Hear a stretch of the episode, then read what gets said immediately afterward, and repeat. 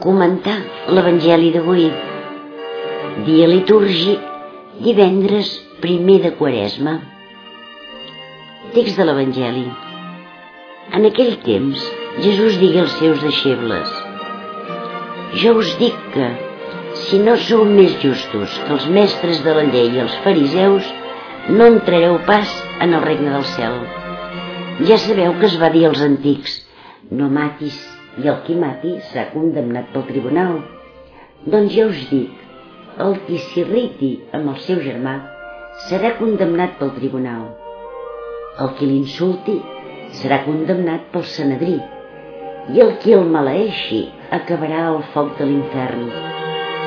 Per això, si en el moment de presentar la teva ofrena a l'altar, allí et recordes que el teu germà té alguna cosa contra tu, deixa allí mateix, davant l'altar, la teva ofrena i ves primer a fer les paus amb el teu germà. Ja tornaràs després a presentar la teva ofrena. Afanya arribar a un acord amb ell amb el que et vol denunciar mentre que vas amb ell camí del tribunal.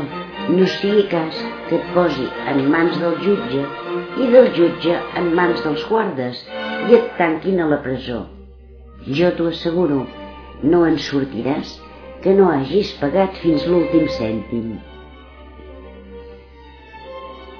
Comentari Fra Thomas Lane, Emmitsburg, Maryland, Estats Units. Deixa allí mateix davant l'altar la teva ofrena i ves primer a fer les paus amb el teu germà. Avui, el Senyor en parlar-nos del que s'escau en els nostres cors, ens convida a convertir-nos. El comandament diu, no matis, però Jesús ens recorda que existeixen altres formes de barrar la vida dels altres. Podem privar-los de la vida, per exemple, conservant en el nostre cor una excessiva ira envers ells o no tractar-los amb respecte i àduc insultant-los. El Senyor ens crida a esdevenir persones íntegres. Deixa allí mateix davant l'altar la teva ofrena i ves primer a fer les paus amb el teu germà. És a dir, la fe que professem en celebrar la litúrgia hauria d'influir en la nostra vida quotidiana i afectar el nostre capteniment. És per això que Jesús ens demana de reconciliar-nos amb els nostres enemics una primera passa en aquest camí de reconciliació és pregar pels nostres enemics, tal com Jesús ho demana.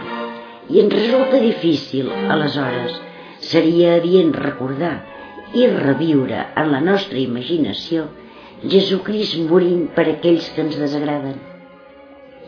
Si hem estat greument danyats pels altres, mirem d'apartar, pregar, per tal que cicatritzi el dolorós record i per tal d'assolir la gràcia de poder perdonar. I alhora que preguem, demanem al Senyor que retrocedeixi amb nosaltres en el temps i en lloc de la ferida, tot reemplaçant-la amb amor, amb vista a esdevenir lliures per a reixir perdonar. En paraules de Benet XVI, si volem presentar-nos davant d'ell, també hem de posar-nos en camí per anar a l'encontre els uns amb els altres. Per això cal aprendre la gran lliçó del perdó. No hem de permetre que s'insinuï en el cor el cor del ressentiment, sinó que hem d'obrir el cor a la magnanimitat de l'escolta de l'altre, obrir el cor a la comprensió, a la possible acceptació de les seves disculpes i al generós oferiment de les pròpies.